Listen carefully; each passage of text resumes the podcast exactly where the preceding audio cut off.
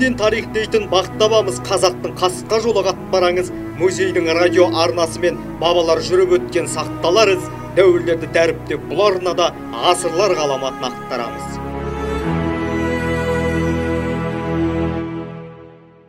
Қайырлы күн радио тыңдаушылар. Музей радиосы өз жұмысын бастайды. Микрофон алдында әйгерім сейітбекқызы. Айтыс десе делебесі қозбайтын жан жоқ шығар сірә. Сөз мәйегі жыр маржаны мен ой тұнығы молынан ақтарылатын саф өнеріміз жуырда байтақ даламыздан асып сонау юнеско-ның мәдени мұралар тізіміне енді. Бұл қуанышты хабар ел мерейін тасытты. Өйткені айтыс біздің төл өнеріміз тіліміздің суырып салма өнеріміздің айшықты көрінісі. Айтысын бағалай білген ел тілін де әдет ғұрпын да салт санасын да бағалай ардақтай білетіні даусыз. Бүгін музей радиосының алғашқы хабарының алғашқы қонағы айтыстың ақтаңгері үш дүркін алтын домбыра иегері мұхтар ниязов. Қош келдіңіз. Мұхтар 2020 жыл сіз үшін және біз үшін өте құтты жыл болды. Ә, алтын домбыраға әбден лайықты екеніңізді сіз дәлелдедіңіз және үлкен жеңіспен оралдыңыз. Ал сыр халқы сіздің осындай айтулы жеңісіңізді өзінің жеңісіндей қабылдап шын жүректен расымен қуанды. Тағы да жеңіс құтты болсын. Түбінде бұл жүлде қызылорда музейі төрінен орын алады деп өзіме уәде бергенмін деп айтып қалғаныңыз бар. Ғажабы дәл солай болды. Қазіргі таңда алтын домбыра қызылорда облыстық тарихи өлкетану музейінің мемлекеттік тіркеуіне алынып үлкен құрметпен музей қорына тапсырылды. Қазіргі таңда алтын домбыра мәдениет және өнер залының төрінен орын алып халық назарына ұсынылып отыр. Алтын домбыра көрермендердің мынау музейге келушілердің сыр халқының көзайымына айналып үлгерді. Болашақта алтын домбыра тек қызылорда облыстық музейінің құнды жәдігері ғана емес сонымен қатар бүкіл сыр елінің брендіне айналатыны сөзсіз. Біз оған сенеміз. Мұхтар енді ең алғашқы сұрақ 2012 жылы ең алғаш қолыңызға алтын домбыраны ұстаған екенсіз. Араға төрт жыл салып 2016 жылы тағы да алтын домбыра иегері атандыңыз екінші мәрте. Және арада тағы да төрт жыл салып 2020 жылы үшінші мәрте алтын домбыраға лайықты екеніңізді дәлелдедіңіз. Енді бір осы ә, сандардағы мына жұмбақ сәйкестікті қалай түсіндірер едіңіз? Енді ең бірінші бұны бір алланың сәті деп ойлаймын. Ә, біз сан қуу сапа қуу ол бәрі біткеннен кейін кішкене қол босағаннан кейін қарап жатқан нәрсе әйтпесе төрт жыл сайын мен алып тұруым керек немесе осы он екі он төрт жиырмасыншы жылдары алуым керек деген шыны керек ондай бір нақты жоспар болған жоқ мен былтыр да алу, алып қалу мүмкіндігім болды. Және әр жыл сайын мен соған ұмтылып отырдым. Оны араға мен бір төрт жыл демалыспен оған бүйтіп қатыспай қалған жоқпын. Мен осы алтын домбыра басталғалы тұрақты түрде бір ақ рет қана қатыса алмай қалыппын. Қалған жылдардың барлығында жоғары деңгейде финалдық деңгейде өнер көрсеткен бірден бір сол ақынмын. Сондықтан ол енді алтын домбыра ғана емес қой ол жерде енді жылдың үздіктер анықталады әр жылдың өзінің жаңалығы болады. Бұл енді бір себеп бір мотивация десе болады ақындарға бір жылдың үздігін анықтайтын соған бір үздік ақынға берілетін жүлде. Ал енді жаңа іштей уәде сырттай сөз бергеніміз рас. Ә, елге әйтеуір ондағы ойымыз сыр елі жыр елі деп.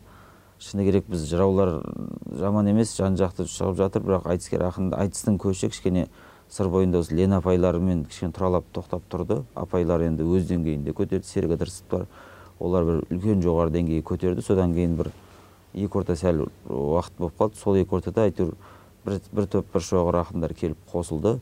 Және осы сөзге ә, сыр елі жыр елі сырға барсаң жыршымын ме? деген сөзге лайық болатын іспен жауап беретін бір кез ә, болу керек қой деп мен ішімде ойлап жүр едім оның бір символдық дүниесі осы алтын домбыра болды. Және соған менің бұл жерде бір ғана адамның еңбегі емес бұл тұтас халықтың еңбегі тұтас халықтың сенімі ә, бізге сенген адамдардың үлкен сенімі ә, және елдің үлкен алғыс батасы бәріміздің ортақ осындай бір жеңісіміз болды деп ойлаймын. Мен тек соған себепкер ғана кішкентай ғана себепкер адаммын. Сондықтан ә, әлбетте енді жаңағы төрт жыл сайын алып отырудың да өзінің бір хикметі бар шығар біз білмейтін тылсымдары бар шығар. Мен оны енді бір жүйелеп жаңағы ол шыны керек енді ол ең үлкен сенім бұл жерде алланың бұйыртқан сенімі деп қана айтамын. Қалған жаңағы сан қуалау сапа қуалау деген ондай нәрсе жоқ.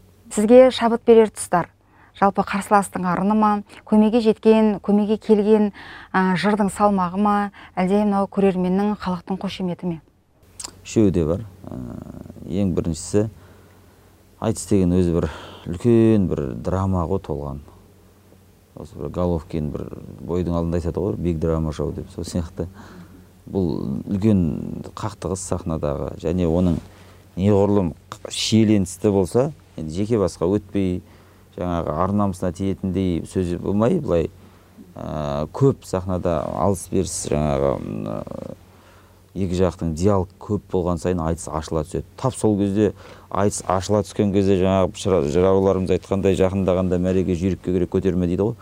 Сол көтермелеп отыратын көмбені жаңағы көтермелетіп көмбеге жақындаған сайын жаңағы делебеңді қоздырып отыратын халық болса сондай кезде жаңағы өзіңнің де шабытың тосырқамай тұрса жаңағы жексенбі көл басында тұнықтан бала бала отырса деген сияқты қадыр атамыз бүкіл тамашалардың бәрін айтады ғой. Сол сияқты айтыстың тамашасы осы, осы компоненттерден тұрады. Бір бәрінің бәрі зар еңіреу күйіне келеді бір. Сол кезде бір ә, шамырқанған бір жан дүниеңде бір сондай астық ағын жүріп өтіреді адам оны кейде түсінбей қалуы мүмкін. Бірақ ә, тұлпар түрін жасырады дейді. Көптеген ақындар жай кезде жүрсең маған да сөйтіп айтады мысалы жай кезде жүрсең бір кішкентай ә, шағын жігіт екенсің ғой деп жатады. Ал мен сондай өзімнің көп жігіттерді сахнада мүлде басқа түлеп ә, бәйгенің алдында жаңағы тұлпардың дейінгі кейінгі түрлерін танымай қаласың дегендей сондай бұл енді бір шабыт үсті болатын адамның еркінен тыс болып кететін дүниелер деп ойлаймын. Бірақ бұл да өзінің айтыстан халықтың алатын эстетикалық әсеріне үлкен әсер етеді деп ойлаймын. Тамаша. Егер енді мұхтар 19 тоғызыншы ғасырға бір ойша шегін жасасақ сол заманда өмір сүрсеңіз қай ақынмен айтысар едіңіз? Шөжемен ба біржанмен ба сүйінбаймен ба деген сияқты. Мен он тоғызыншы ғасыр түгілі осы заманның өзінде айтыссам деп армандап жүрген ақындарым болды. Мысалы оразалы ағамыз көре алмай кетті мұхамеджан ағаларымыз қоғамдық жұмысқа көбірек мына елдің ең айтыстан да маңызды кейбір шаруаларына енді атқа ертерек мінген азаматтар. Аманжол ағаммен бір сахнада жолым түйіскен жоқ. Ә, меліс қосымбаев деген осы ағамызбен айтыссам деп армандайды. Осы сияқты осы заманның өзінде көзтір айтыстың аңыздары бар. Бұлардан енді бізге әйтеуір мүмкіндік беріп ә, тәжірибе алмасқан ағамыз ең көп айтысқан ақын мысалы бекар шойбеков болды да сол кісілермен. Ал енді ол заманға өтетін болсақ әрине әрине енді ол ол заманның әр төбе әр ақыны өзінше бір төбе. Және олармен енді мен мүмкін айтыссам деп айтпай ақ қояйын қолына су құйып тәлімін алып батасын алсақ та ол заманның ақындарының жүріс тұрысы ұстанымдары дүниелік көзқарасы сөз қолданысы ол екі дәуір деп ойлаймын мен енді. Сондықтан былай шегірткеден қорыққан егін екпейді дейді. Мүмкін енді жаңағы уақыттың машинасымен он тоғызыншы ғасырға барып қалсақ қандай көңіл күй болатынын мен айта алмаймын. Бірақ жиырма бірінші ғасырда отырып мен он тоғызыншы ғасырдың ақындарымен қазір кездессем қырам жоямын деп асылық сөйлегім келмейді. Тек батасын алатын шығармын деп ойлаймын. Тамаша. Енді айтыстың түрі өте көп. Соның ішінде қай айтыс қалыс қалып жатыр? Осындай айтысты қолға алсақ мына жұмбақ айтыс деген осы көп қолға алына бермейді. Қай айтыстар ә, көп халықтың сұранысына ие? Мына қыз бен жігіт айтысы сияқты. Мысалы үшін ә, киіз үй біздің кел қалып бара жатыр қалып бара жатыр деп оны күнделікті наурызға тігіп қайтадан жығып тастағаннан ешқандай мәселе өнбейді. Қазір көптеген жігіттер мысалы өзінің ауласына немесе үйінің кең бөлмесінің бір бөлмесін киіз үйге ұқсатып соның жабдықтарымен жабдықтап күнделікті өндіріс айналымына енгізіп жатыр да. Мысалы қазақ сол сияқты киім ұлттық киімдерді айтайық. Ұлттық киімдерді де біз сондай бір айтысқа ә, мерекелік шараларда ұлттық мерекелік шараларда киеміз да қалған кезде ал оны күнделікті қолданысқа енгізетіндер бір орнаменттер беріп көйлектерге бір ою салып ә, шапандарға бір ою салып ә, күнделікті киіп жүретін тап сол сияқты айтыстың да өзінің бір арнайы жарайды осы жанрын дамытайықшы осы қалып қойды деп оған қатты бір акцент беріп сол айтыста оны жасандылыққа міндетті ұрынады ол міндетті түрде көп акцент бергеннен кейін сөйтіп барып не қылып қалған кезде қалып кететін болса ол қалып кетеді. Ал оны күнделікті өмір айналымына енгізу үшін оған үлкен дайындық керек. Және мен осы уақытқа дейін енді айтыстың ең классикалық түрі осы түре айтыс болып қалды ғой қазір. Түре сүре деп айтады енді сүре ұзақ қой енді. Осы айтыстар осы деңгейінде тұрса да жаман емес.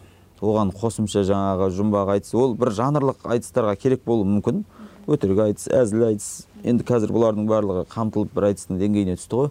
Ал не нәрсе шынайы не нәрсе күнделікті қолданыста бар не нәрсеге біздің мүмкіндігіміз жай кезде дайындықсыз жетеді сол нәрсе ұзаққа барады. Қалған нәрселер жанр ретінде бізде осындай дүние болған деген ретінде дамытуға болады. Мысалы кеңес үкіметінің кезінде осыған арнайы жанрларға бөлінген ақындар болды. Бізде мысалы замадин ибадуллаев деген ағамыз тек өтірік айтысымен айтысты. Ә, бекзақ тәңірбергенов тек қысқа жаңағы қайымның айтысының шебері хас шебері болды. Жаңағы ә, махамбет қали тұрсанов сол қайым айтыстың хас шебері болды. Сол сияқты жүйеленген бір салалық журналистика деген сияқты салалық ақындар пайда болды. Ә, олар өз деңгейінде өз міндеттерін өте жоғары деңгейде атқарды. Қазір енді сол барлық эксперименттер дейді ғой жаңағы солардың барлығынан өтіп қазіргі айтыс бір керемет шарықтау шегінде отыр. Бірақ мен қарсы емеспін оны дамытып бойында әр адамның бойында әртүрлі қабілет бар. Солар солар арқылы дамытып жатса қарсы емеспін. Бірақ соны дамытамын деп жүріп шынайы айтысты өлтіріп алмасақ екен деген бір қаупім бар. Ә, енді қазіргі таңда осы артыңыздан еріп келе жатқан қандай ақындарды айта аласыз? Осындай ә, жас ақындар ә, артымыздан еріп өкше басар ақындардың қарқыны қалай арыны қалай дайындығы қалай қазіргі таңда? Өте жақсы. Өйткені қазір бір енді бұлақ көрсең көзін аш дейді өзі бір, бір көзі ашылған бұлақты қайта қайта барып оны тырнай беріп керек емес ол өзі сол іштен шыққан жер асты суының құнарымен қуатымен ол өзі сол үлкен деңгейге көтеріледі. Ә, жастарға мен қарап көзім тояды. Ә, кемшіліктерін өздеріне айтамын жетістіктерін елге айтамын өйткені жастар бәрібір өз максимализм үлкен барынша қуатты болып тұрады. Олардың кейбір жағдайда беті табаны қайтып қалса мүлде басқа бағытқа кетіп қалуы мүмкін. Сондықтан қазір әйтеуір жалынан сипап жан жағынан қаумалап кездескен кезде оңашалап құлағына сыбырлап мына бір мына бір тұстарды кішкене жетілдіріп жібер өйткені біз осыны байқамаймыз деп көп нәрседен кешігіп қалдық деген сияқты кейбір нәрселерді айтамын өзім шамамша көзім жетіп тұрса ал қалған кезде оларға тек қолдау беруге тырысамыз. Өйткені ә, тек қана айтыс емес бүкіл салада жастар әйтеуір ә, жетілдіріп орнын басып толықтырып отырса эстафета дейді ғой өнердің эстафетасын өмірдің эстафетасын солар адал жолмен жүгіріп адал жолмен адал қолмен ұстап алып қалса неге оларға біз жаңағы жолына бөрене болуымыз керек? Сондықтан қуатты жастардың енді қазір бірін атаса бірі қалып қояды. Ә, анық нәрсе олар бар. Және көп. Дұрыс. Ал енді қазіргі таңда мына ел алдында елге жасап жатқан бір өзіңіз қызметіңіз бар. Сол ел елдегі қызметіңіз жұмысыңыз ә, өнеріңіздің дамуына кедергі келтіріп жатқан жоқ па? Ә, өнер ол өмірмен біте қайнасып кету керек және ол елге қызмет жасау керек. Мен өмір бақи бір басын ит асырайды дейді ғой. Мен өнеріме кедергі келтіреді екен деп мен енді маған келіп тұрған шаруаларды ысырып қоя алмаймын. Өйткені өмірде кейбір шынымен ол бір тәкаппарлық емес эгоистік пікір емес бірақ мен ғана шешетін жұмыстар болуы мүмкін. Немесе соған менің қатысуым керек болған жұмыстар болуы мүмкін. Және менің қатысуым арқылы бірнеше адамға өріс ашылатын бір мүмкіндіктер болуы мүмкін. Енді біз өз деңгейімізге бір жетіп шамалы бір кемелімізге келсек онда сол жолда енді түсіп жатқан жастарға түссем деп жүрген жастарға түсіп қойған жастарға солардың жолын ашып алдын кеңітіп сонымен қатар тек қана бір ғана сала емес өнер руханият деген үлкен сала ғой. Руханият деген ол елдің үлкен бір жаны. Ә, экономика тәні болса руханият соның жаны мемлекет бір жанды дене дейтін болсақ. Сондықтан ол жанын әлде адам өзінің жанын тәрбиелеп отырмаса тәніне еріп азып кетуі мүмкін. Сол сияқты біз ә, осы елдің ішкі жанымен байытуға руханиятын байытуға рухын тіктеуге ертеңге деген сеніміне елдің жігерін жанудың жолында біз осы бойымызға берген алланың қарым қабілетін ә, шамамыз келгенше жұмсауымыз керек деп ойлаймын. Сол екі ортада өнер ол ә, егер ол бар болса бойыңда шынымен хақ болса ол құдайдың жаққан оты ғой оны адам сөндіре алмайды ғой. Ал егер сол ет пен терінің ортасында желік болса ол сен маңдайынан ұстап алдың алып аялап отырғанмен ол кетіп қалуы мүмкін. Сондықтан жаңа ала шағым кетсе де айта шағым кетпесін дегендей ә, бұл нәрсені жетілдіре беру керек деп ойлаймын. Мұхтар сізге көп көп рахмет. Уақыт тауып студиямызға келіп сұхбат бергеніңіз үшін. Ә, енді қазақтың айтыс деп аталатын қасиетті өнер жолында сізге қажымайтын қайрат талмайтын қанат тілейміз. Мынау ә, шығармашылық шабыт толағай табыс айтулы жеңістер сіздің серігіңіз болсын. Тағы да сырқалық атынан сізді осындай үлкен ә, жүлдеңізбен алтын домбыра домбыраңызбен шын жүректен құттықтаймын. Ал енді құрметті тыңдармандар көрермендер мұхтар ниязовпен болған сұхбатты сыр шаңырағы ютуб каналынан және қызылорда облыстық тарихи өлкетану музейінің әлеуметтік желі парақшаларынан тамашалай аласыздар. Музей радиосымен бірге болыңыздар.